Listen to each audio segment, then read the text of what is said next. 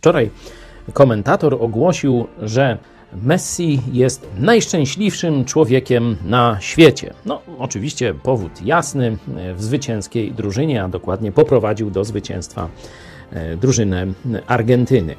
No, rzeczywiście na pewno to było wielkie wzruszenie, przeżycie też na trybunach żona, dzieci, także wielkie, wielkie szczęście, radość, euforia i tak dalej. Ale co będzie jutro, pojutrze i tak dalej? No, wielu ludzi osiągnęło e, podobny wynik, e, na przykład jego Maradona, a potem szukali szczęścia e, w narkotykach czy gdzieś indziej. No to znaczy, że jednak to do końca szczęścia nie daje.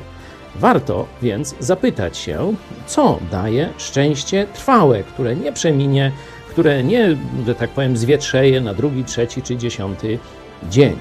I kiedy czytamy Biblię, to widzimy dwa takie powody do radości. Pierwszy, chyba największy, bo Jezus go w takim oddzielnym pakiecie pokazuje, kiedy jego uczniowie, to jest Ewangelia Łukasza, 10 rozdział, kiedy jego uczniowie no, cieszą się, że nawet duchy ustępują, są im posłuszne, wyganiają i tak dalej, że mają takie sukcesy w życiu i służbie, służbie, Jezus mówi: Nie cieszcie się z tego, ale cieszcie się, że wasze imiona w niebie są zapisane.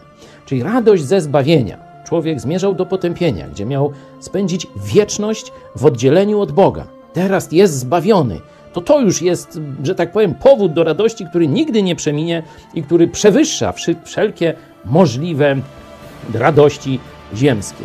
A drugi, związany z nim, opisany jest w liście apostoła Pawła, w pierwszym liście apostoła Pawła do Koryntian w dziewiątym rozdziale. Tam są właśnie e, przedstawieni sportowcy, 25 werset. A każdy zawodnik od wszystkiego się wstrzymuje, tamci wprawdzie, aby znikomy zdobyć wieniec. No, nawet i Messi już dziś albo jutro będzie o tym wiedział, że to znikomy wieniec.